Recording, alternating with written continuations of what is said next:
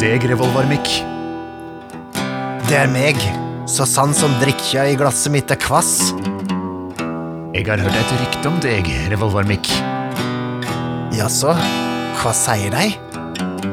De sier at de som møter revolvermikk med glass i handa, ikke lever til å se morgenraude på himmelhvelvingen. Det er sanning du forkynner, Nico Enaigwe. Du har tråkka dine støvler inn i feil saloon denne gangen. Jeg går ikke ut av en kamp, må vite, revolvermikk. Eit auge har jeg nok, men revolveren min er lada med seks hatefulle kuler. Nok prat. La revolverne synge i staden. Pjau, pjau, pjau! Bang, bang!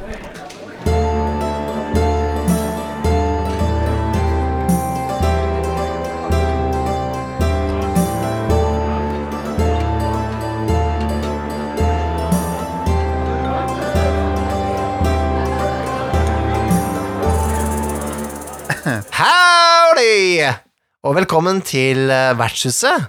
Eh, Mitt navn er Mikael Stensen Solhjen, og med meg har jeg min kompanjong, partner. Jiha! Nikolai Krogshus Strøm. Wow, det var mye engasjement. Jeg har akkurat tråkka, tråkka av vesten og tjora den fast og dunka inn saloondørene her på vertshuset. Vi kan gi oss med den nynorsken, da. Jeg kan aldri legge fra meg nynorsken. Jeg skjønner det, men uh, eh, det gir meg litt sånn eh, flashbacks. Litt, litt sånn uh, PTSD. Men hva er det i forhold til western, Nikolai? Hvorfor, hvorfor snakker vi om western i dag? For det er det som er temaet.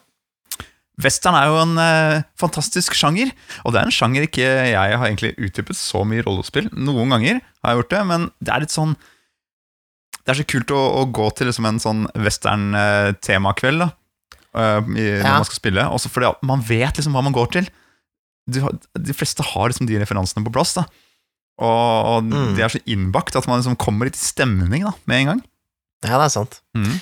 Jeg kommer jo fra en generasjon hvor uh, cowboy, og cowboy og indianere var noe man lekte sammen uh, i, i uh, ute, da, med kruttlapppistoler og, og sånne ting. Eh, det er vel kanskje ikke så politisk korrekt å leke cowboy og indianere nå?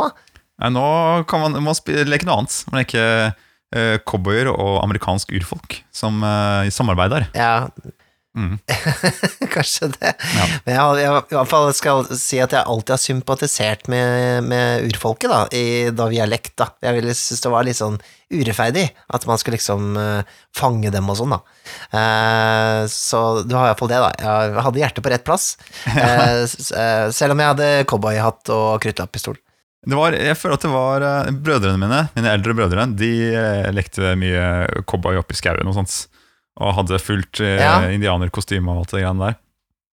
Men eh, Vi gjorde ikke så mye, skjønner du. Det var bare jeg tror, jeg tror det er tre ganger eller sånn vi lekte sånn cowboy og indianere, men det var litt sånn dere Fikk høre det av foreldrene sine, ikke sant, at det lekte de da de, de var små, så da må dere Ja. gjøre det også, ikke sant. Men mest hadde vi lyst til å leke med He-Man. uh, og Mask og Turtles og sånn. Jeg lekte militær, jeg, stort sett. Eh, Mil militær. Jeg gjorde det. ja. Det er egentlig verre, det er egentlig verre da, sånn sett. Det er ikke verre. altså, det, jeg tenker den der Vi er jo Vi måtte over på nynorsk. Jeg, for meg så måtte jeg liksom over på nynorsk hvis jeg skulle få litt sånn der um, westernstemning. Og ja, funker egentlig western på norsk? Ja, det gjør jo det. Du må bare legge inn litt sånne der, eh, gloser, da. Sånn eh, partner og, og liksom eh, Ja, ikke sant? Litt sånn amerikanske gloser av og til, for Ja. Howdy! Og det er slags bare for å få det liksom litt inn i sjargongen. Mm. Hadelandsdialekt, kan det, kan det hjelpe? Nei, jeg syns ikke vi skal gå inn på en dialektgreie, men eh, Men, men eh, kanskje. Altså, jeg tenker jo liksom sånn Man kan bruke litt sånn uh, Hva skal si hedmarksdialekta, eller innlandsdialekta. Det kan bruke til liksom de der som virkelig bor oppe i fjellene, og de derre Ja, ja, du må være nede i gruva og, og litt i dag, da. Ja. Det kan, kan funke. For det er litt sånn hillbilly og sånne ting, da. Ikke sant? Så kan du bruke skikkelig Oslo-mål eh, eller Bergens-mål når det er inni, inni byen, i den store byen, hvor det er litt sånn diligenser og litt sånne fint folk på måte, som går rundt. Fiffen fra New Amsterdam og sånne ting. Um, Ja, det er jo mange som spiller på engelsk, da. Ja, Da er det sikkert lettere å logge rett på det der. Rett på western, ja. Mm. For da er det liksom en uh, da, da er det sånn derre This town ain't big enough for the two of us. Ja. Det er veldig sånn one-liner-vennlig eh, setting. Det er det. Ja, ja, ja. ja. Men hva er det som må til, hva er det som må til for at det skal være western, egentlig? Hva, hva er liksom the bare essentials av en western? Nei, det er jo Det må jo være på i Vesten, da, ofte. Være Ja. i Nei, det må ikke nødvendigvis være det heller, men det, det er jo det er der det kommer fra. Ville Vesten i USA. Det er jo, det er jo geografi. Mm. Altså, det bør jo være satt på en måte til, eh, til eh, Ikke til liksom til østkysten, da, hvor det var mer sivilisert på slutten av 1800-tallet og sånn. Ja, en tid og et sted trenger det, ikke sant? Så, sånn der 1700-1800-tall, eller hva det er for noe. Og så eh, Texas, Ville Vesten eh, og Mexico rundt der. Og, og cowboyhatt må jo til.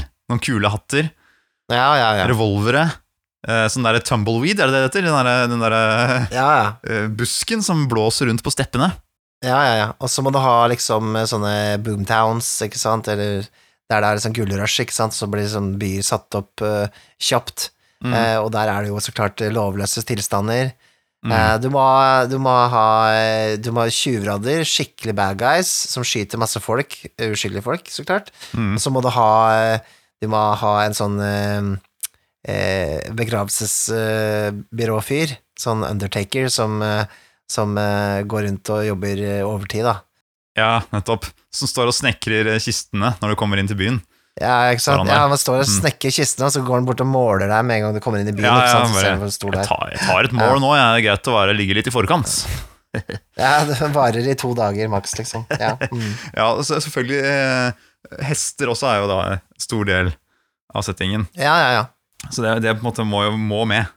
Eh, ja, det er, jo, det er jo mye skyting, da. Og, og man har, eh, man har røveri, og man har togtyvi... eh, Hva heter det? Togrøveri. Ja, ikke sant. Jernbanen er også essensiell. Og det kanskje aller viktigste, dueller uh, ved high noon. det er helt riktig. Har du, har du spilt uh, noen cowboysettinger, eller? Jeg har spilt Deadlands. Ja, for det, men er det, er det et tillegg? Det er en egen setting, er det ikke det? En egen system og egen setting liksom? Originalt så var Deadlands et eget spill eh, med et eget eh, regelsystem, og så, når Savage Worlds kom fra samme selskap, så eh, overførte de eh, Deadlands til Savage Worlds, da. Mm. Det er jo noen som så klart eh, foretrekker den gamle versjonen og sånne ting, men eh, det sies at eh, det passer ganske bra med Savage Worlds til Deadlands, da. Ja, det vil jeg virkelig tro. Savage Worlds er jo litt sånn lett å plukke opp, sånn sett. Jeg leste på den originale Deadlandsen, og det er bare Jeg måtte, jeg måtte gi opp. Det, det var ikke Ja. overkommelig for en eh, mann som meg å klare å sette seg inn i den eh, dritten der, for å si det sånn.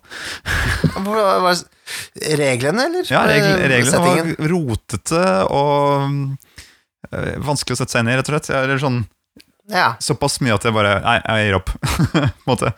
Ja, det er, det er litt sånn halvveis kjent for det. Um, så det er, det er like greit. at Nå, altså nå, det har gjort stor suksess som, eh, som eh, Savage Worlds-spill, altså. Mm. Um, men jeg spilte faktisk D20-varianten, fordi det kom en sånn eh, eh, D20, altså Dungeons and Dragons-regelversjon av Deadlands. Mm. Så jeg ble ikke sånn superimponert over det, men jeg digger jo settingen, da. Mm. Ja, settingen er eh, Det er den som er eh, hovednerven. Men liksom, Mm. hvordan får du liksom eh, Altså, hvis du vil spille western i morgen Ja. Det skulle jo være ganske greit hvis du kan et system, for eksempel. Du kan DOD 5E, ikke sant? Reglene. Mm. Det skulle jo være ganske greit å bråhacke det om til western. Skulle ikke det? Ja, det vil jeg tro. Du må bare liksom ha skytereglene, på en måte. Ja, gjøre om eh, Gjøre om pil og bue til uh, gunner. Eller behold pil og bue, hvis noen vil bruke det. Og så kan du heller gjøre om Eldritch Blast til uh, gunner, liksom. Men du har jo, du har jo noen skyteregler i Dungeon Masters Guide, tror jeg. Jeg tror det er noen ekstra greier du kan bruke der. Ja, kanskje det Ja, det fins jo det, Altså, det finnes jo alltids noe, men jeg tenkte hvis man skal uh, bare bråbruke de stæsjene man har, liksom, Mm. Så, så er det jo enkelt å konvertere. Jeg tenker sånn dynamittkubber og sånt også, er bare finne fram eh, Ja, ja. fireball, eh, på en måte. Ja, nei, nei, det er jo det er ingen, ingen sak, det, men det må jo være, på en måte være litt rundhånda med det og det reglene da, da. Um, jeg ville nok heller kanskje valgt et annet spill, da, men det er jo litt meg. Uh, jeg ville gått for uh, Savage World Stemfor, da. Um, Fordi det passer bedre, på en måte. Og så ville jeg aldri telt kuler. Jeg er på en måte sånn Nei. Jeg ville, jeg ville liksom Man går tom for kuler når det passer seg, liksom. Hadde du ikke telt kuler liksom er- i cowboyspill? Hvor det er seksløper, holdt jeg på å si? Hvor det er seks skudd i en revolver? Nei, jeg tror ikke det Det, det, det, det blir litt sånn, der, litt sånn eh, man, man ville ha det litt over the top, liksom, når det gjelder uh, western, tenker jeg. Jeg, kan, jeg vet ikke, jeg er ikke helt enig. Fy Jeg er fader, Mikael! Det er det verste jeg har hørt. Jeg er ikke helt enig med meg sjøl, kanskje, men eh, altså, jeg. Hvis, hvis, hvis det er liksom etablert at du har um, Hvis det er etablert at du har på en måte sånn patronbelte rundt livet, så er det greit nok. Men uh, om det er en sånn duellsetting, og det er hver sin seksløper, liksom, uh, så, Ja, ja. så kan vi ikke drive og bare skyte og skyte, da. Det, det blir for blazing saddles for min del. Da, men, men selvfølgelig jeg, jeg mener jo også å huske at da jeg leste på Deadlands-settingen, eller på det spillet, at det blir Det er mange som eh, går veldig fort til Weird West. Det, det kan ikke bare være western, liksom. Med et lite Altså, Nei. jeg kan godt spille western med et lite element av noe kult, eller noe skjult, eller noe sånt. Men Mhm. det må liksom ikke være at alle er et hemmelig lich, eller alle har magiske evner, eller gunneren din også er eh, ikke sant, en, en demon. Kan ikke bare liksom Kan vi ikke bare spille western-setting, liksom? Ja, jeg ser den. Det fins jo, jo liksom spill som ikke blander inn noe annet, da. Men eh, det er jo de Altså, Deadlands er jo et uh, Weird West-spill, så du har jo Du har jo Undead uh, og sånne ting, og uh, USA har på en måte er jo ikke helt likt som under westerntida. Det er liksom det, Borgerkrigen delte opp landet annerledes, og Mm. California har rast ut i havet, og der er det en sånn labyrint og sånne ting, og så har de funnet et nytt sånn derre sånn eh, Hva skal jeg si, en ny type kull da, som heter Ghost Rock, som gjør at de kan lage sånne dampmaskiner, ikke sant, så det er litt steampunk også. Mm. Um, så det er jo, det er, det er jo eh, setting. Hvor er Will Smith, spør jeg. Ja, det er jo helt klart eh, noe her som har inspirert eh, hverandre. Mm. Um, men eh, sånn eh, De gjør det i Det er Critical Role som har en, eh, en sånn eh, spilling med Deadlands. Ja, de spiller en, De kaller det for Undeadwood. Yes, Så de spiller jo på en måte i Deadwood eh, I Deadwood-universet. riktig. Mm. Og det Der gjør de det ganske bra, syns jeg. Fordi at de, det er ikke sånn unaturlig hele tiden. Det er sånn basically western for det meste, men så sniker de inn disse overnaturlige elementene, da. Mm. På en ganske sånn eh, Så klart, det tar jo av på et tidspunkt, men det føles i hvert fall ganske Det er godt planta i westerntropene, da. Uh, og det, det er kult. Det er veldig kul spilling, det der. Ja, for meg så har det litt sånn Jeg har også sett jeg har også hørt den. Og det, for meg så var det sånn litt for mye, men akkurat innafor. Men det er noen elementer jeg likte Mm. veldig godt. Det er f.eks. at de bruker eh, poker, en pokerhånd innimellom for å løse noen, mm. noen kon- type konflikter. Eller få, de får noen ekstra poeng eller noen sånne chips de kan bruke til ting senere i spillet. Pokerchips, da. Ja. Og det syns jeg var jævlig kult å liksom bake inn eh, i settingen når du skal spille. For det, Mm. det er veldig typisk Hvis alle kan poker, da selvfølgelig, så det ikke det blir enda en ting du må lære deg. Men så lenge alle kan eh, poker rundt bordet, så er det veldig kult å liksom ha det med, siden det er jo essensiell del også av eh, av eh, hele western-greia og cowboysettingen. At de Ja, ja. spiller og gambler, og skjetongene flyter. Og Du kommer jo liksom i stemninga av det. Det er jo kult med Savage Worlds at det er på en måte pokerregler, altså det er å bruke kort, kortstokk, vanlig kortstokk og skjetonger eh, som en del av regelsystemet, så Mm. det føles jo veldig nærme et westernspill allerede, da. Mm. Um, og du- og du, du får noe håndfast på bordet. Du, det var kult hvis man sitter rundt et sånt bord med sånn grønn filt, vet du, sånn Ja. som de gjør eh, på pokerbord. Um, så ja, altså en god uh, whisky, da, så klart, må man ha med. Sånn eh, hvis man er over 18, så klart. Eller over 20, er det kanskje. Ja, det, det er fint ha det- det da blir bordet. Ja, ja, ja. vi har nevnt et par gode systemer for western. Da har vi nevnt Savage Worlds og Deadlands og Dungeons and Dragons, som jeg også mener kan funke bra for å bare kjapt sette i gang med en western-setting, med et par Ja, ja. tweaks. Ja da. Um, du, du er jo en vampire-mann. Har du prøvd å spille vampire-cowboyer? Nei, eh, det har jeg ikke, men det fins en eh, Men eh, det mm, eh, viktigste av alt så finnes det da eh, en offisiell, i hvert fall, Wild West Werewolf eh, fra gammelt av. Okay. Og da var man eh, varulver i Ville Vesten. Og det er jo Egentlig syns jeg passer enda bedre enn vampyrer, da. Eh, men noen har laget i hvert fall et sånn vampyr, eh, altså vampire-tillegg da på Storytellers Vault, eh, med, med vampyrer og, og eh, western, da. Så den er jo verdt å sjekke ut. Hvis man har lyst til å gjøre det, da. Ja.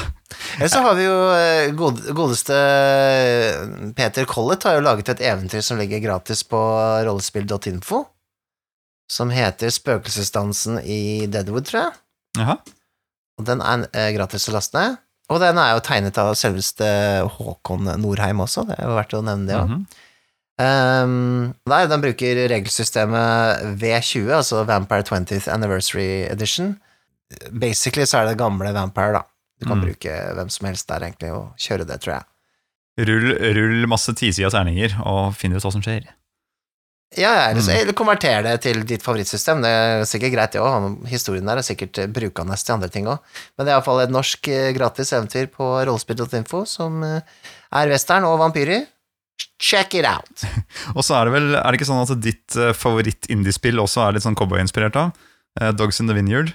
Det er ikke mitt favoritt-indiespill. Mikael, du snakker om det hver episode. Jeg tror at jeg skal samle, jeg skal lage en compilation når vi har 100 episoder, over hver gang du sier Dogs in the Vineyard. Det, det bare satte veldig preg på meg. Jeg likte ikke, jeg likte ikke systemet så godt. Det syns jeg var irriterende. Men, eh, men eh, jeg likte premisset og sånn. Mm. Der er man mormoner i Ville Vesten og skal på en måte dømme folk i, rundt omkring i forskjellige byer, da. Mm. Og så settes det alltid opp et sånn veldig sånn tungt eh, moralsk dilemma. Og um, og det er egentlig det som er høydepunktet, da, når man virkelig liksom må gå et par runder med seg sjøl om man liksom vil dømme noen til døden eller ikke Mm. basert på eh, liksom Ja, det blir jo litt sånn at hva vil jeg føle i forhold til hva eh, rollen føler? Ja, det er jo Det syns jeg er litt interessant, da. Mm. Men eh, det er ikke mitt favoritt-indiespill, altså. På ingen måte. Eh, men eh, jeg kunne tenke på et annet norsk lite bidrag, da, eh, av Håken eh, Lid til eh, det første Risk-heftet. Ja. Eh, jeg tror det er Risk eh, årgang 2006 eller 2004. Jeg husker ikke helt. Men uansett, det heter Kruterauk. Der ser du! Der ser du! Nynorsken trer inn igjen. Ja, Ja. ja, det er derfor vi tenker på sånn nynorsk og western, da, for dette, det var jo nynorsk på, teksting, tror jeg, på alle disse westernfilmene på NRK da, i Der det gamle dager. Nettopp. Eh, men, eh, men uansett, der er, bruker man jo også liksom pokerteknikk, da, med skjetonger og man byr og sånne ting. Mm. Og det er et kort lite spill på jeg tror det er kanskje tre sider, ja. Så den er verdt å sjekke ut. Gratis spill. Eh, jeg har spilt det en gang. It was hilarious. Veldig moro. Absolutt verdt å sjekke ut. Også rollespill.info. Det er så mye gull vet du, inne på rollespill.info der. Det gamle Eh, riskspill. Gull og, gull og grønne skoger. Ja, ja, ja. Men du, hvis du skulle, um, hvis du skulle invitert noe til uh, cowboykveld, Mikael, Mm. hvordan, uh, hva slags historie ville du liksom uh, presentert for dine spillere? Nei, jeg har jo veldig sånn forkjærlighet for litt sånn uh, Min favoritt-westernfilm gjennom tidene er Once Upon a Time in the West. Mhm, mhm. Eh, den liker jeg veldig godt.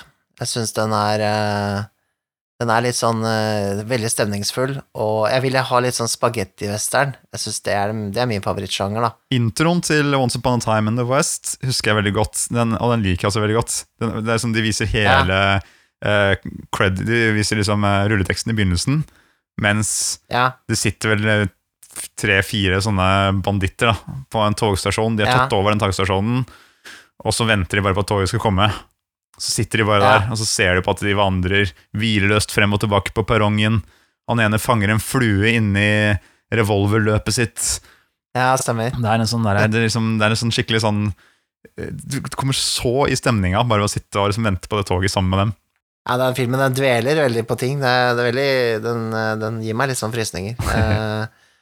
Eh, men det er et eller annet med den derre Den, eh, åpne prærien og liksom Følelsen av fare, da. Mm. Ikke sant? Lovløshet, ikke sant. Eh, Jeg syns den, eh, Og den har jo også den eh, det med at eh, industrien er på vei, ikke sant. Den har jernbane også som et eh, bakteppe her. Det skal bygges en jernbane gjennom byen. Mm.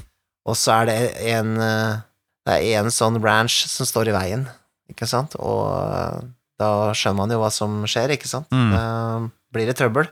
Og så er det han ensomme fyren med det munnspillet Mm. som aldri sier noe. Charles Bronson, da. Som, eh, som kommer, kommer til byen. Ikke sant? Da, Rydder opp. da blir det helvete. Men du hadde, Ja. satt, du hadde kanskje lagd et eventyr rundt denne ranchen, da? Som må beskyttes, eller Ja, ja, noe sånt? noe sånt, ja. Mm. Et eller annet sånt, ja. Um, og kanskje en, eh, ikke sant, trussel med at eh, jernbanen kommer, ikke sant, og ja, så det var mye rart du kan eh, flette inn der, med en liten kampanje rundt denne ranchen og prøve å få den til å fungere og sånn, og, og det hadde vært litt spennende, da. Mm. Apropos, det jeg- kommer jeg bare på nå at, eh, da, da på en måte coviden kom til eh, Norge, så Mm. var det jo, gikk jo alle over til um, møter på Zoom og så videre. Så var det Ja. Jeg hørte om det var noen som hadde tatt De var begge gamere, på en måte, så istedenfor å ta møtet på Zoom, så hadde de bare logga på um, Red Dead Redemption-serveren istedenfor. Og så hadde de satt seg rundt bålet, liksom, ute på prærien, og hatt uh, jobbmøtet sitt rundt bålet. Det er kult. Bare, det er kult. Switch it up, liksom. Det er fantastisk. Det er så bra. Ja, ja, det er jo det, er jo, det, er jo det som, eh, som blir metaverse, da, antageligvis, til Facebook. Ja, ja, det er jo sikkert det. Og, ja, sikkert det de har lyst til, da. Snart sitter vi rundt uh, digitalt bord og spiller uh, rollespill hele gjengen. Ja, Ja. jeg, jeg gruer meg faktisk. Jeg gruer meg litt til det, for jeg føler at liksom, eh, da blir man liksom bordet erstatta, da. Det, det har ikke jeg lyst til, egentlig. Nei. Jeg har lyst til å se folk, jeg, altså. Men det er greit, det er greit. Jeg kan se at det blir nyttig. Uh, vi får se. Det skal en del ting på plass før før det blir helt uh, normal, tenker jeg. Jeg vil, sitte, jeg vil heller sitte rundt et faktisk leirbål og, og spille rollespill da, eh, ute i natturningen og sitte på Metaverse og gjøre det, altså. Der Ja. jeg Der er jeg, altså. Jeg blir med deg, ass. Jeg blir, med- jeg blir med meg, ja. Ja, men jeg skjønner jo den åpne prærien. Du du setter den åpne prærien som uh, location, og du, Mm. Og du har en ranch, og du har noen banditter som kommer, og du må passe på, er- de kan komme fra alle retninger og sånt. Det er kult. Ja. Selv så tror jeg jeg ville prøvd å Vi snakka litt om dra, å lage et drama og begrense litt, holdt jeg på å si, sist vi snakka sammen. Mm. Eh, Så jeg tror jeg kanskje ville prøvd meg på typ eh, At det er et tog dere, Alle spillerne, alle rollene er på et tog Som er, går Mm. mellom eh, to steder da Og over kanskje en sånn fjellpass sånne greier, ikke sant? Ja. Og så er det kun Det skal stoppe bare på endestasjonen Det er bare begynnelse og slutt liksom Og så skjer det ting på Ja, veien, ikke sant? Kanskje det skjer noe mord inn i toget der Eller kanskje han eh, som kjører toget eh, faller død om, eller kommer det banditter, ikke sant? Det, så må man bevege seg mellom Mm. disse vognene, og kanskje opp på taket, og litt sånn der. Det kan være, det kan være kult. ja, absolutt. Mm. Jeg, jeg føler kanskje det blir litt for begrensende, da. At det er liksom for Det er for klaustrofobisk, kanskje, men eh, man stopper kanskje på noen stasjoner og sånn etter hvert, da. Det kan være, eller at bare, jeg synes det kan være kult. Som, ja, altså det blir jo, det må jo bli én spilling da, som er sånn, og så kan man jo kanskje spille Ja, videre andre ja, steder, men, men det er kult å begynne der, liksom. det er sånn enter du byen, for eksempel, at det ender opp i byen, og så, Mm. hvis du faller av toget da, så må du liksom skaffe en hest, eller hvis det er noen banditter, Ja. tar du de, kaster du hesten, så rir du etter, og, ja, det kan, være, kan bli kul greie greia ut av det. Men da kommer ikke du, skjønner jeg! jo da, jo da. Jeg gjør det. Jeg ringer for å spørre om du vil være med på rollespillkveld, og du bare er litt begrensende Er for meg, Nikolai. Litt for begrensende. Jeg vil ha den Er du på tog? Ja, ok, tog, det skjer ikke. Jeg sier ikke nei hvis du inviterer meg til å spille den derre Hva heter den? Horror on the, on the Orient Express. Ok, Er ikke den heter? Nei, jeg vet ikke, Horror on the Orient. Col Nei, det har jeg ikke hørt om. Det er jo den klassiske Col Cthulhu-kampanjen som er om bord Orientekspressen. Mm. Det er visst eh, awesome, den, men den eh, går jo bare i én retning. Det, blir jo, det er jo sånn Du sitter på, liksom. Det, det er ikke noe du, du besøker byer og sånn, da, Mm. men eh, likevel, det er jo en veldig Kan du si det, definisjonen av railroading, da? Ja, ikke sant? Ho, ho, ho, snakk om railroading. Men altså, så, eh, på en måte Once upon a time in the West, in the West det er på en måte Det er Vill Vest for deg, typ. hovedreferanse. Ja, den, den av Sergio Leone-filmen jeg liker best, da. Jeg har Mm. sett disse andre også. Um, men uh, det er kult med Klinteren, liksom. Men uh, filmene hans er liksom veldig sånn Yeah! Det er ikke like bra som eh, Once Upon a Time in the West. Og det er uten Clint. Ja, Clint er sånn der, Det er sånn artig. Jeg har ikke fått helt tak på han, men han er på en måte western på et vis. da Den fyren Ja, der, ja. liksom. Selv så syns jeg True Grit var en veldig bra eh, cowboyfilm. Ja, den var veldig bra. Ja, Altså, den, likte jeg, den likte jeg veldig godt. Nå er jo Cohen-brødrene uh, en av mine favorittregissørgjeng, da, holdt jeg på å si. Ja, ja, ja. Så, så selvfølgelig, da, da traff jo den bra. Men eh, den, den uh, favna sjangeren veldig godt, syns jeg. Som en nyere film, da. Absolutt. Eh, Deadwood-serien også syns jeg var Jeg likte meg i universet, men jeg syns det det var litt treigt. Ja, det, er litt sånn HBO, HBO et skal det. Jeg likte Mm. serien, men det var litt treigt. Mm. Og du har jo, du har jo eh, herregud, Westworld òg, da. Som også har en eh, kul greie. Westworld? Har, har du ikke sett på West... Har du ikke sett på Westworld? Å ja, ja, ja, jo, jo. Det er, er det sånn der man går, logger seg inn i en sånn derre um, met Metaverse, holdt jeg på å si? Ja, de har bygd, de har bygd eh, sånn her fremtiden i gang, da. eh, Mm. Uspesif eh, uspesifisert. Og så har de bygd en eh, fornøyelsespark da, som er i prærieområdet, da. Og da har de masse sånne roboter som er helt uh, like mennesker, og så så, eh, basically replicants fra Blade Runner, da, som er liksom programmert til å ha minner og sånn, og, og gjøre ting dagligdags, ikke sant? Men så betaler du penger for å være i den parken der. Eh, og da kan du skyte hvem du vil, du kan ligge med hvem du vil, sant? Det er jo sånn mm. sånn hedonisme på høyt nivå. Men så begynner jo robotene å, å eh, eh, Hva heter det? De finner det singularity, at de begynner å bli selvbevisst og sånne ting, ikke sant? Og Ja. gjør opprør. Og det er jo basert på en Ja, det er jo basert på en bok av Michael Crichton, uh, som Den var jo filmatisert på 70-tallet en gang, så jeg så den filmen før jeg så TV-serien. Um, og ble ganske inspirert av den, selv om den nå er ganske sånn cheesy, da, hvis du ser den i dag. Til og med cheesy eh, for den tida, på en måte. Ja. Men uh, Yul Brenner, tror jeg han heter, han som spiller liksom hovedbad guy, eh, cowboyen i, i den eh, filmen, ja. han, han er menacing, altså. Jesus Christ. Eh, og det er som han er sånn, han er sånn svart hatt og klær, ikke sant, og han, Ja, er, ja. så er liksom, han er liksom skalla, og så har han de øya, ikke sant, så han er robot. Men han er sånn killer robot som bare skal ta dem, da, og han er så skummel. Ok, så det er bra Det er god anbefaling sånn på, på populærkulturen, holdt jeg på å si. Jo, Ja. og eh, på Netflix så er det The Ballad of Buster Scruggs. Hva han heter Buster Craggs, kanskje? Buster Craggs, Ja. Buster et eller annet.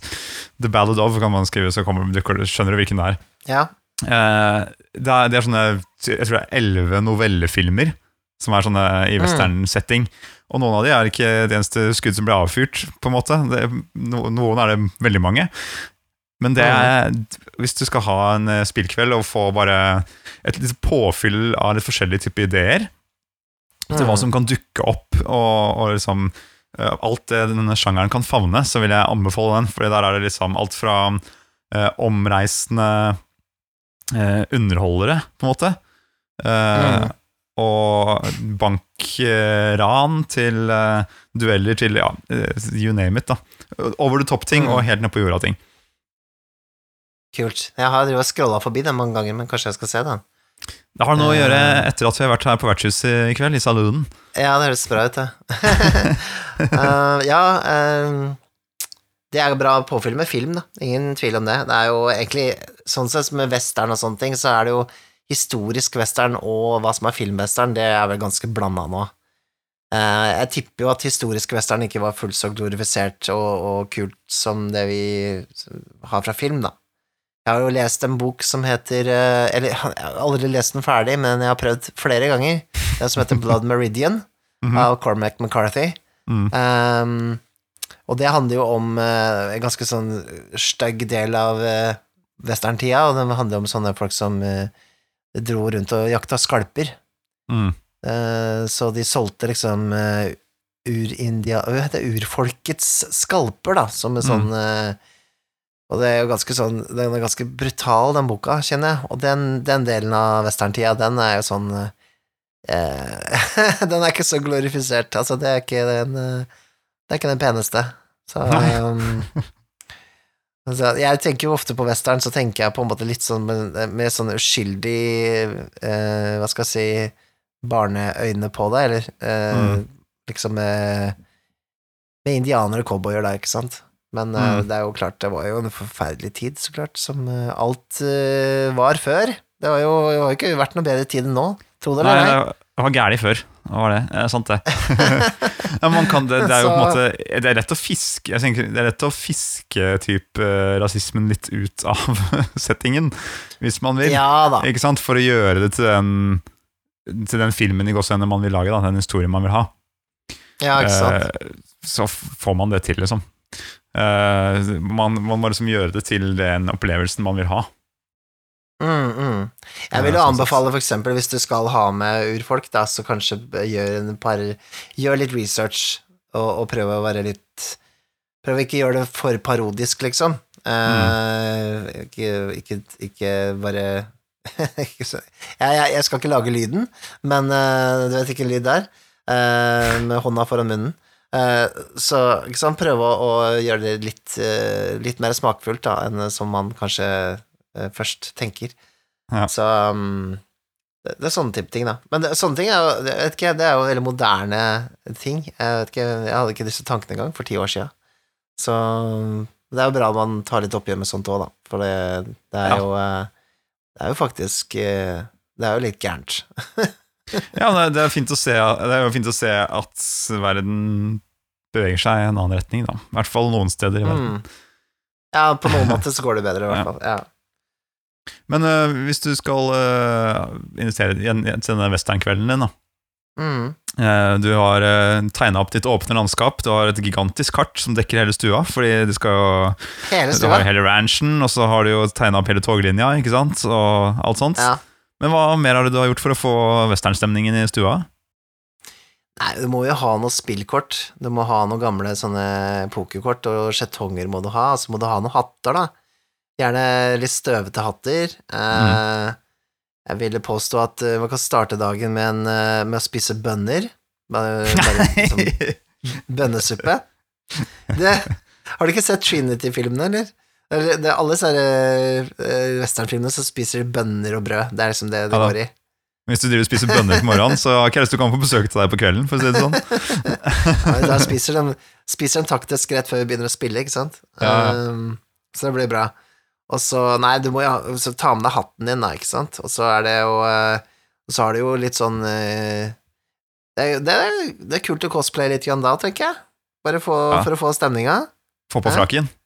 Ja, ikke sant? Ja. Så Broderen, broderen var med i noe som eh, en, en eller annen sånn klubb som he, jeg, husker, jeg husker ikke helt hva det heter for noe, men konseptet er at man har på seg fullt sånn cowboyutstyr. Så går man gjennom mm. sånn landsby, liksom. Og så dukker det opp sånn papplater av uh, forskjellige folk i vinduer. Og så må du forte deg og trekke og skyte deg med ekte, med ekte revolver. da ah, Og sånn derre Winchester og sånt noe, liksom. Mm, Det er jævlig kult. Kult. Nei, jeg vet ikke hva det heter for noe, men det høres jo bare ut som å leke cowboy, da, med ordentlige gunnere. Ja, basically. det er det der. Eh, Men det Det fins steder som driver med det òg.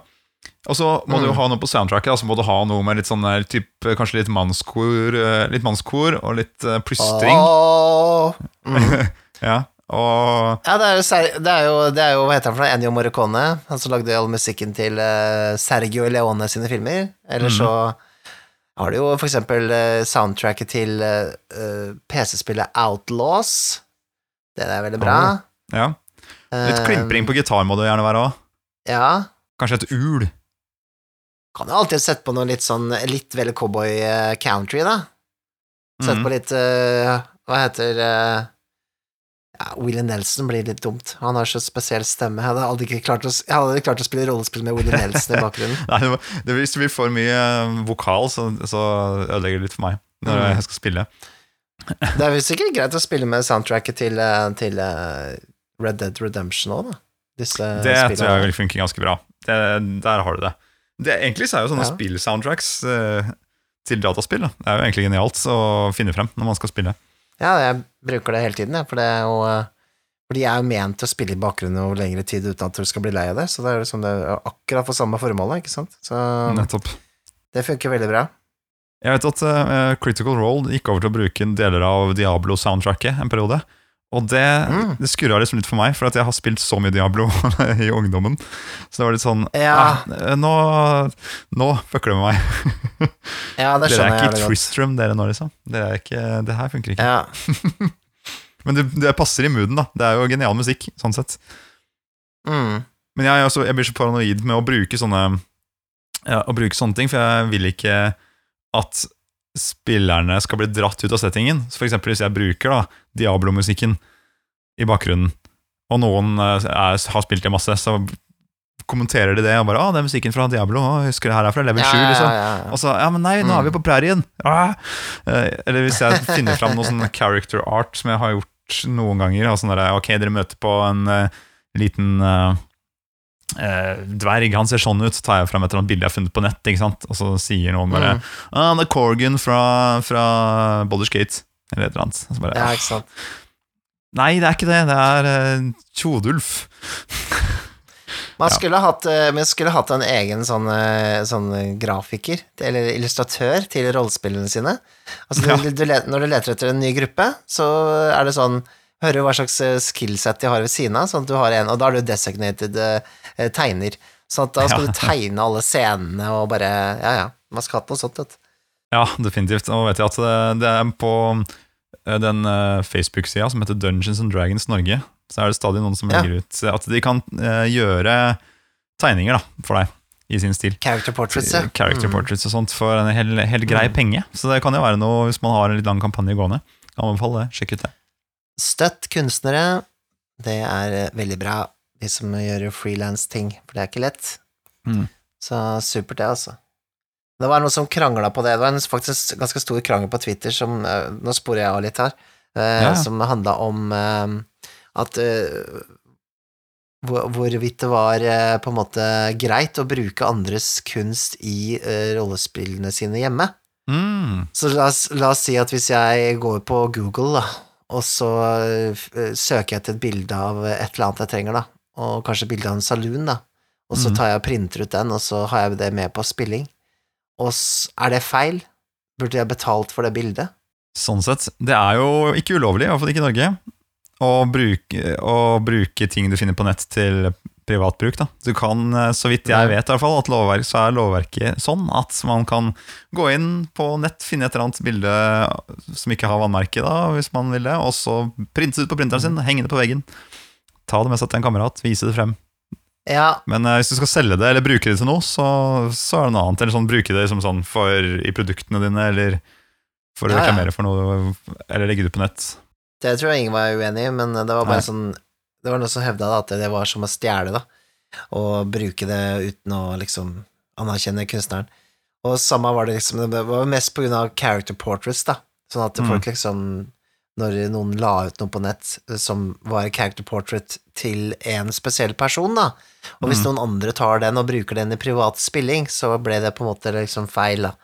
Jeg, jeg, jeg har litt problemer med å se det, fordi at det, eneste grunn til at den personen ble sur, da, det var jo eh, fordi noen sa at de hadde gjort det. Og det Ja. er jo eh, det, det er jo så privat, da, herregud. Det det er liksom Jeg ser ikke helt det store poenget. Nei, det er, jeg, jeg setter foten i bakken på den. det må være Ja, lov. Pluss at det er jo på en måte eh, Hvis noen spør da, hvor fant du det Jeg fant det der og der. Ok, Hvis du syns det er kult, så kan du dra og kjøpe en character portrait av den personen. Som hadde jo ikke sett det Mm. ellers. Det blir jo reklame på et vis. Det er som hvis noen spiller noe musikken er laget på, på fest, når det helt tydelig ikke er festmusikk. Det er meningen at du skal uh, ligge og grine og, og så ha det fælt når du hører på musikken min, ikke på fest. Så er det sånn Skal jeg bli sur for det, da? Skal være sur for at de gjorde det? Eller, det er liksom det er det samme tankegangen, det. Ja. Men, ja, whatever. Eh, Det var avsporingen. Det var, vi kan si det sånn sett at eh, jernbanen eh, avsporet og havna utafor i, i i canyonen. Er- Jeg trodde, vi gikk, jeg trodde når vi gikk inn saloondøren at vi gikk inn på vertshuset, men vi gikk inn i et tog som nå har sporet av, og nå er vi i en canyon. ja, det er en Canyon. Helsike, Mikael. Jeg syns det var noe rart at det rom, rumla litt her i vertshuset. Ja. Nå, nå kommer det noen gående mot oss her i, nede i gropa her òg, ser jeg. For å redde Oi, oi, oi. oss ut, håper jeg. God dag. Ja, du stirrer på meg. Er det på grunn av den store, sorte barten min? Ja, altså får jo først og fremst for jeg ser du er en Munch, da. Det er jo Det var rart å finne Munch her i bunnen av canyonen. Munch, ja. den er god. Ja, jeg var nok en del av den eh, religionen din en gang i tiden. Men jeg falt fra himmelen, skal du vite. Og nå står jeg her i dette veiskillet og skal gi deg et valg. Du kan få et ønske oppfylt, Mikael. Men jeg må få sjelen din i bytte. Ja, den er ikke verdt noe. Det er greit. Ta den. Hjertelig takk. Skriv under her. Skrible, skrible, skrible. En sjel. En sjel rikere er jeg. Mhm, Ja. ja, jeg har med noe fra noen jeg møtte litt lenger der borte. De sang en nydelig sang. Den hørtes omtrent sånn ut.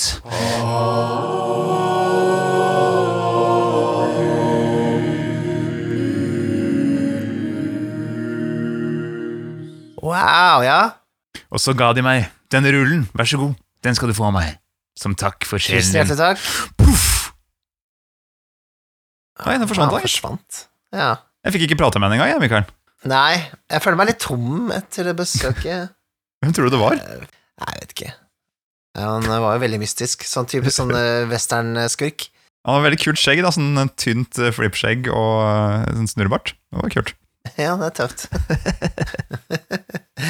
uh, det her er et, en papyrus uh, fra Maja Kvenseth.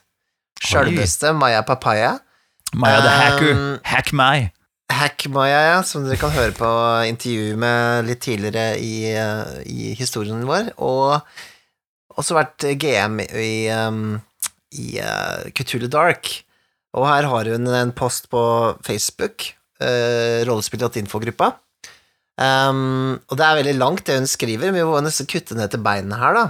Ok, uh, for det er jo det til, tilhørende meme her. Vi kan hoppe over memet, da. Nei, vent, vent, vent. Vi, vi tar hele da. Nå har, nå har Maja skrevet en lang greie her. Kom igjen. Ja, men Jeg begynner. Ok. Ja, du kan si hvordan memen ser ut, og så kan jeg lese. Ok, da. Greit. Uh, ok, det er noen som ser på en lapp. Så står det The entire encumbrance rules. Wow! Me, the DM, som er neste bilde, ser opp i lufta, holder den lappen, sier This is worthless. Mhm. Nettopp fordi Så alle bare får mime ser. Det er, Ja, er ikke like det- morsomt når du, forklarer Nei, en memes er ikke bra. Forklare memes funker ikke. Det det. Men det viktigste er Ok, det er et litt flåsete meme, men jeg legger nå fram dette som en påstand. Encumbrance-regler, altså hva du kan bære med deg i rollespill, særlig i veldig regeltunge spill som Dungeons Dragons, er bortkasta og ødelegger for selve spillinga. De gangene jeg har måttet forholde meg til encumbrance-regler, dvs. Si ikke hatt en bag of holding, eller spilt i en mer realistisk setting som har, regler for det, så har det utelukkende vært en plage. Og hvis jeg tenker at rollen min bør ha med en ekstra potion eller bære et ekstra kogge med piler, så er det et mareritt å plutselig ikke være i stand til å slåss eller gjøre andre ting skikkelig. For meg er nesten plassering viktigere enn direkte vekt. Hvis jeg ikke klarer å forklare hvor rollen min har det ekstra sverdet, eller på hvilken måte hun bærer med seg sin portable desk, så synes jeg det blir dumt i spill. Hva det veier, er litt sekundært for selve spillfølelsen. Eh, Selv om jeg rasjonelt skjønner at å bære 50 kilo oppakning er urealistisk for en mager alvepige, så er det jo faktisk en alv i et fantasiland, liksom. At hun bærer 50 kilo er ikke det mest urealistiske her. I mer realistiske settinger så er jeg for så vidt mer positiv til at det bør være en slags begrensning på vekt, men ikke hvis det går på bekostning av den fortellingen man lager sammen. Hvis det blir sånn at de sier Uh, Nei, hvis du skal være sprengstoffekspert og bære rundt på x kilo sprengstoffeksplosiver, uh, så må du ha høyere Sett en fysisk stat enn det. Det vil si at du må ha høyere ikke sant? Du må, ha, du må, du må regne ut skitten her, da, ikke sant? Så bruke poengene riktig. En løsning kunne jo eksempel vært å bruke en slags slott-system, på samme måte som med Magical Items i Dungeons and Dragons, bare at du har en slott tilpasset bæring. Rygg, Hofte ganger to, ermer ganger to, eller noe lignende. Jeg hører noen si Men kan du ikke bare hive av den tunge ryggsekken når du skal slåss, og plukke den opp igjen etterpå? Jo da, med mindre du ikke har råd til å miste det som er i sekken, i tilfelle du blir kidnappa, teleportert vekk, sekken blir stjålet, trampa flat, satt fyr på, spist eller lignende mens du er opptatt. Særlig hvis du allerede spiller i et regelsystem hvor økonomien din er elendig, og du ikke har råd til å kjøpe nye greier, eller i en fortelling hvor det er vanskelig å få kjøpt nye ting, eller hvor det er vanlig at du hopper ukontrollert i tider og rom. Takk for meg, sier Maja. Ja. Jeg hører disse tingene her ganske Det her er ikke nytt, eh, men eh, jeg skjønner frustrasjonen. Og jeg har jo vært på begge sider her, jeg, altså. Eh, Og encumbrance er Det kan være veldig kjedelig å drive og regne ut.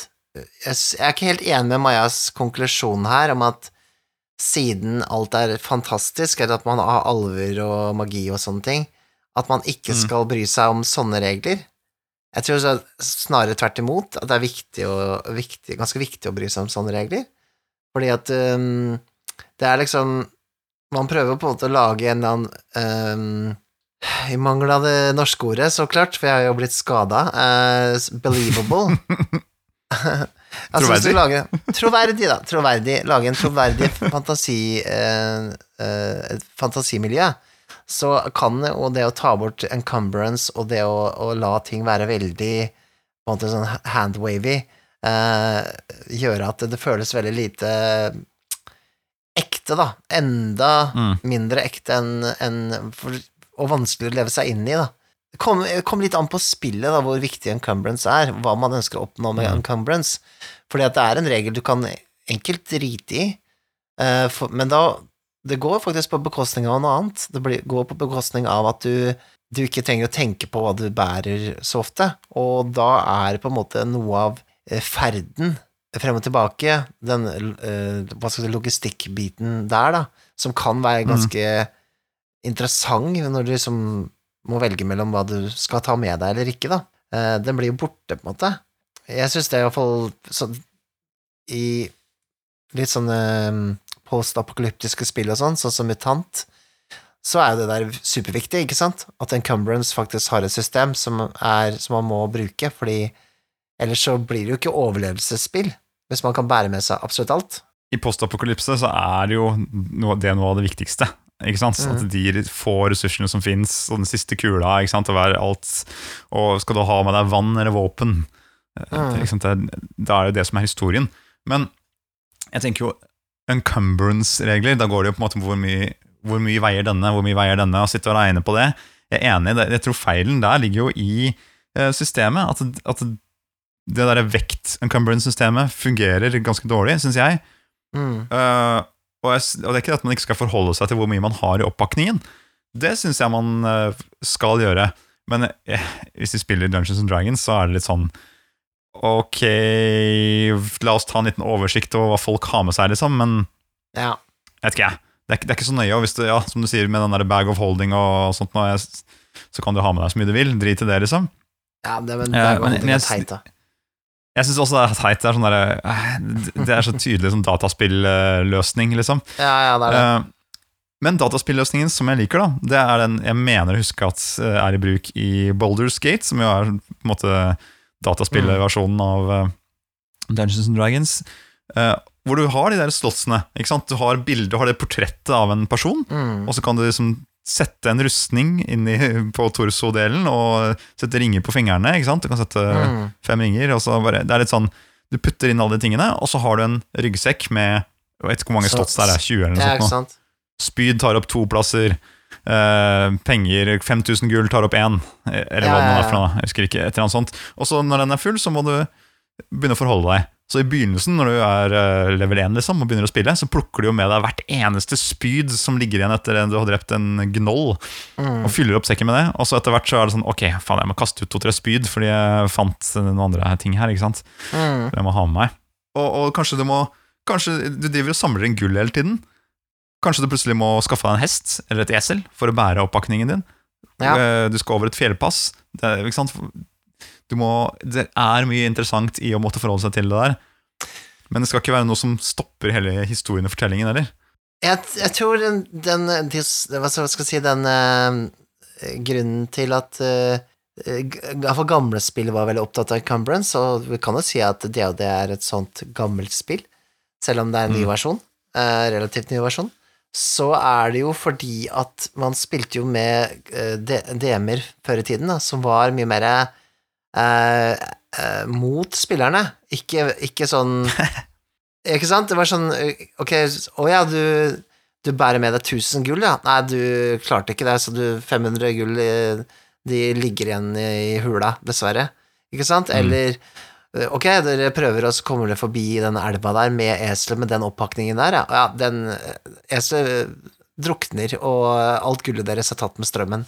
Altså, ikke sant? Mm. Det var mer sånne ting, man spilte mot uh, DM-en i mye større grad.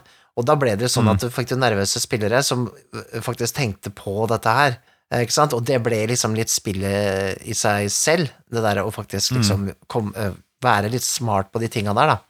Eh, Mm. Men eh, hvis man hvis man på en måte spiller eh, moderne, da, hvor, hvor det er spillerne er eh, 100 i fokus, og deres historie er eh, fokuset, eh, ikke på en måte eh, DM-ens eh, lumske planer, så er jo kanskje encumbrance eh, blir det litt i veien ofte, for historien, ja. Det er jo det Maja sier her, egentlig.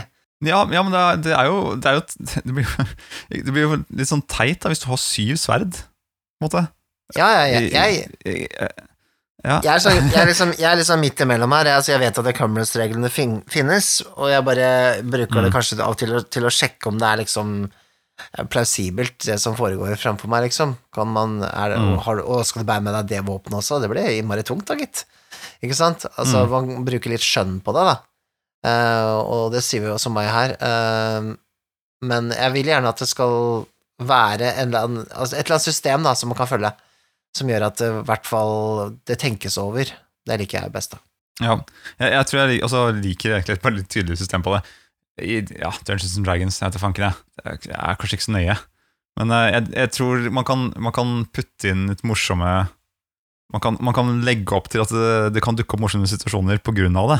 Mm. For eksempel, hvis, hvis du har sett på Fangene på fortet noen gang, da det gikk på TV, det er 2000-tall, 90-talls, hva det er for noe programmet, hvor man Mhm. eh, skal løse masse gåter og så videre på en sånn der fort, og så skal, det er sånn reality da, skal deltakerne på slutten komme seg inn i en sånn bur, og så må de få tak i mest mulig gullpenger før tigerne kommer, ikke sant? Mm.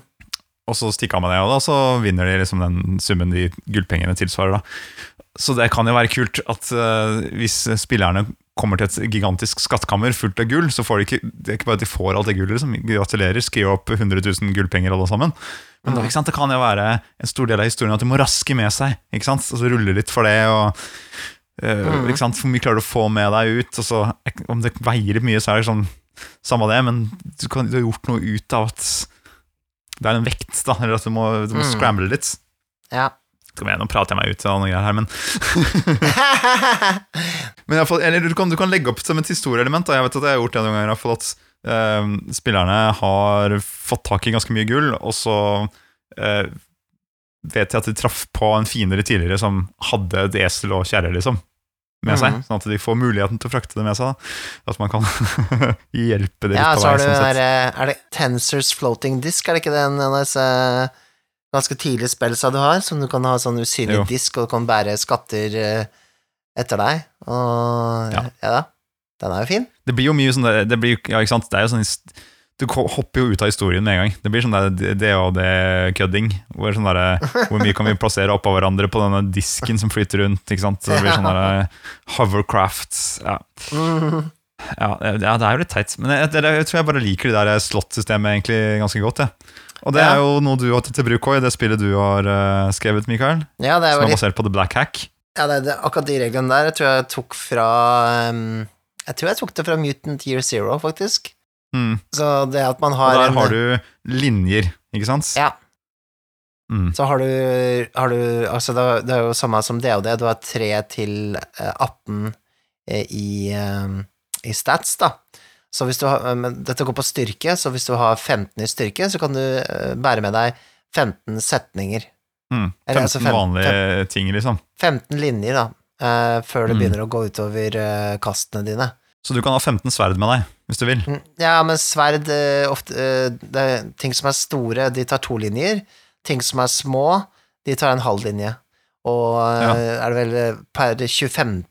hakkesølv, som er liksom myntenheten, så tar det en halv linje. Så det være Det blir et slottsystem, da, men du har tre forskjellige størrelser på gjenstander da, som du kan bære, da. Mm. Og det er jo liksom å bruke litt skjønn der også, men det gjør det veldig enkelt, og det blir ofte sånn at man ja, for eksempel situasjonen som vi hadde her på søndag når vi spilte sist, at det var sånn eh, Jeg kan ikke bære med meg det der, for da jeg er overlessa, kan noen andre ta det, liksom.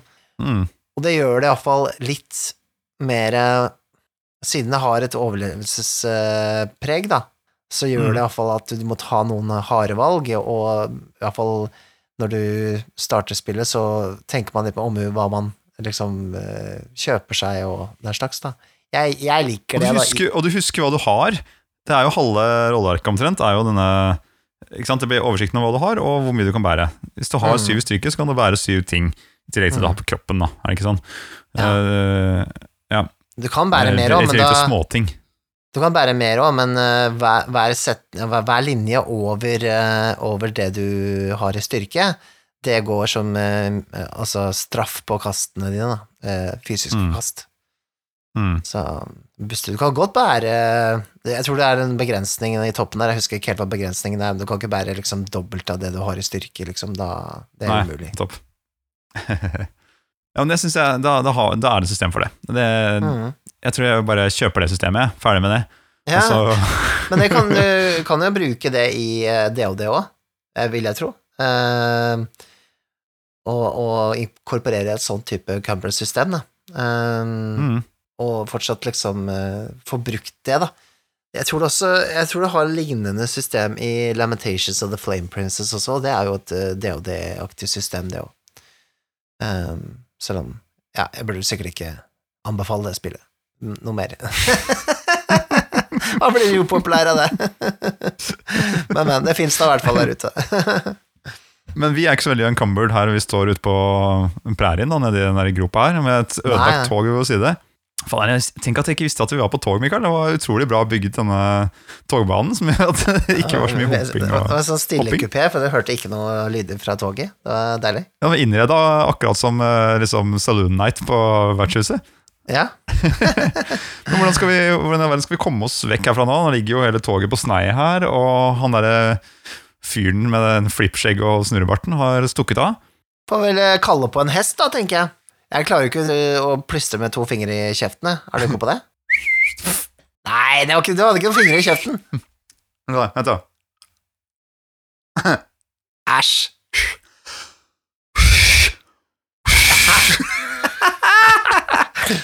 Ja, det var dårlig, men Oi, det kommer noe! Det kommer noe! Oi. Klapp til klapp til klapp. Å, shit. Å, fuck, det der er ikke noe vanlig hest. Det, Det er ikke noe. Mikael! Der. Ja, er Mikael der! Der, der.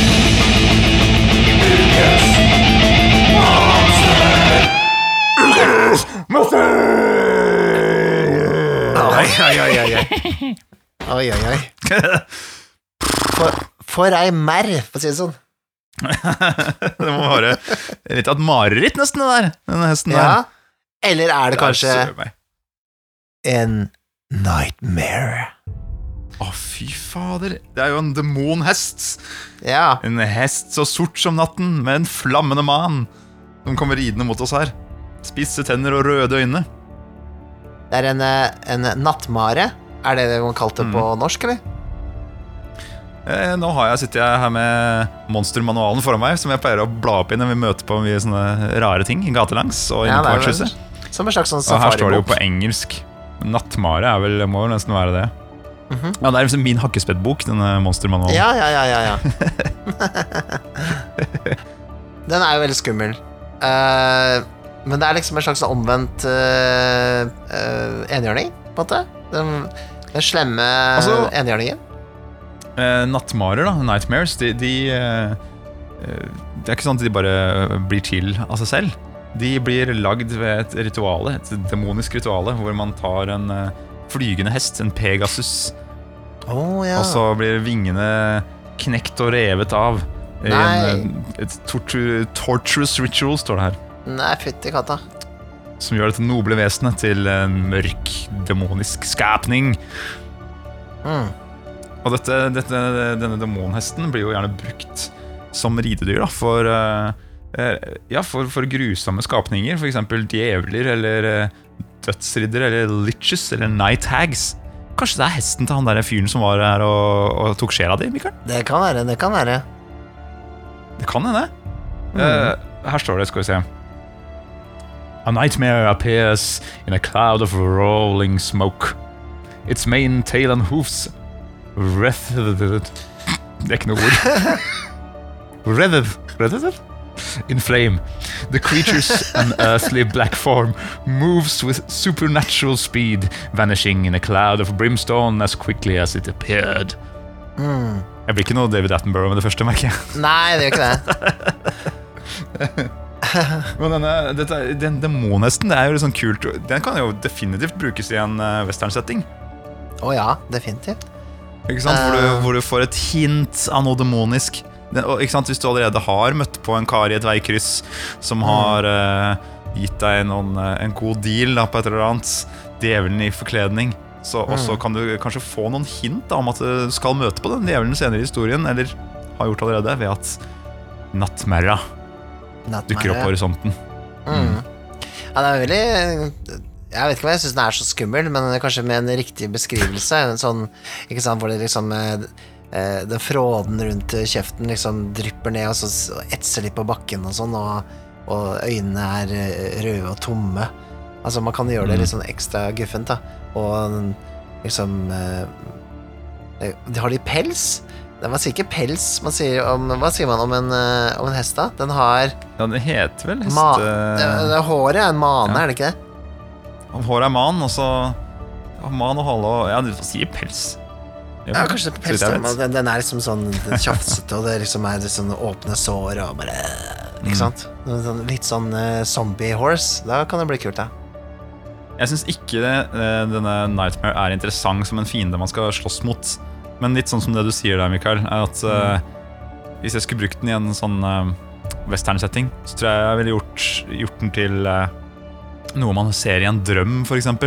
Kanskje man har blitt bitt av en slange, da, og i løpet av natten så har man en sånn feberdrøm hvor man ser disse, ser disse eh, tennene som har falt ut, og at det gløder nede i halsen på den. Og, denne hesten Mm. bare forfølger en i drømme. da kanskje man, Og så kanskje man begynner å hallusinere litt og se den på horisonten. Og den kan hinte om et eller annet i, grusomt. da Det er, det er fremme i historien.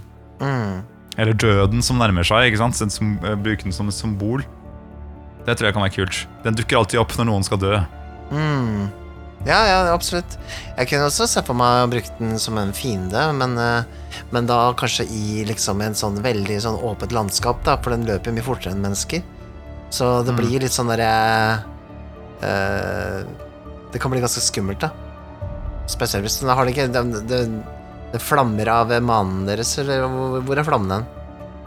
Flammer av manen, av hovene og av Ja, ikke sant? Og jeg glør i kjeften. Men eh, 68 hitpoints jeg vet ikke, Med en gang det blir hitpoints i det bildet, så er det ikke noe skummelt. Men 68 hitpoints er ganske mye, da. I DD òg. Ja. Hva slags uh, challenge rating har den, da? Eller er, er det det i eh, fifth edition? Ja da. Skal vi se. CR? Gi meg CR. Challenge rating uh, 3. Ja, det er ikke så stort, da. Nei. Men den kan, også, kan den masse språk òg. Den kan common, infernal og Mm. abyssal. Mhm. Hvis den kan komme, er det ganske guffen da den begynner å snakke til deg. Ja, Den kan ikke snakke sjøl, står det. Å nei! Den forstår det bare. Men den forstår det. den forstår det Å ja. Å ja, Mm. det er synd, da.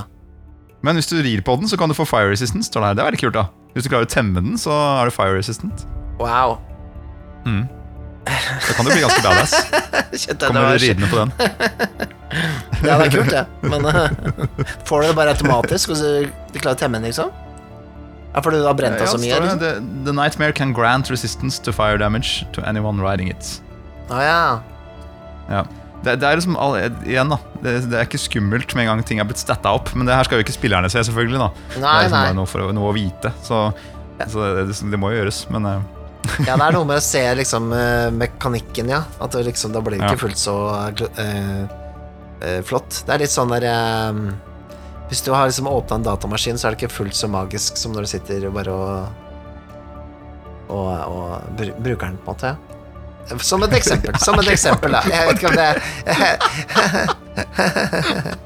Mister litt magien sin, da. Det det jeg Ja, sier. jeg satt der og spilte Jeg satt og spilte Monkey Island 3, og det var helt fantastisk. Men så åpna jeg en datamaskin og så inni. Ah, ikke like, mista litt magien. Det var ikke like greit. Ja, det er ok, da. Det var et poeng der, så det ble veldig dumt forklart. Eh, Jo da. Jo da. Det- Du får ikke noen benefit of the doubt her ute på prærien. Mikael. nei, gjør ikke det. Gjør ikke det. Her man mobba. Men hvordan skal vi få brukt altså, Vi må jo komme oss eh, jo komme oss tilbake til det ordentlige vertshuset. Og den hesten her ser jo helt jævlig ut. Skal vi, hva skal vi gjøre her, da? Nei, altså, vi må jo ri på den, så jeg tenker jo øh, vi får vel bare rett og slett øh, smøre oss litt inn i den gjørma her. øh, og sørge for å liksom være våte nok til at vi kan sitte opp på hesten da, uten å bli brent. Og så bare får vi prøve lykken, da. Ja, vi, får jo, vi blir jo fire resistant hvis vi klarer å ri på den. Så Ja. kan, kan ikke du spørre den da om han, om han, vil la oss ri på? Kompis, vi trenger tur uh, skyss tilbake til byen. Gir deg uh, Gir deg uh, Jeg gir deg sjela til han fyren der. Jeg tror det var et ja.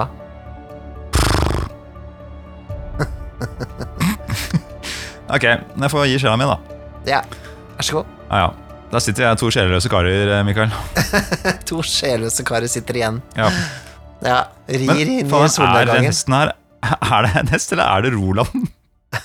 Jeg tror det er Roland. Har vi solgt sjela di til Roland? Og kanskje han var! Kanskje han, han eh, var også han fyren som, eh, som jeg solgte sjela mi til? Bare in disguise? Han er polymorph av seg selv? Jeg gleder meg til å eh, se han spille på piano med de hovene sine. Ja, det blir gøy. Ok, vis oss det, Roland.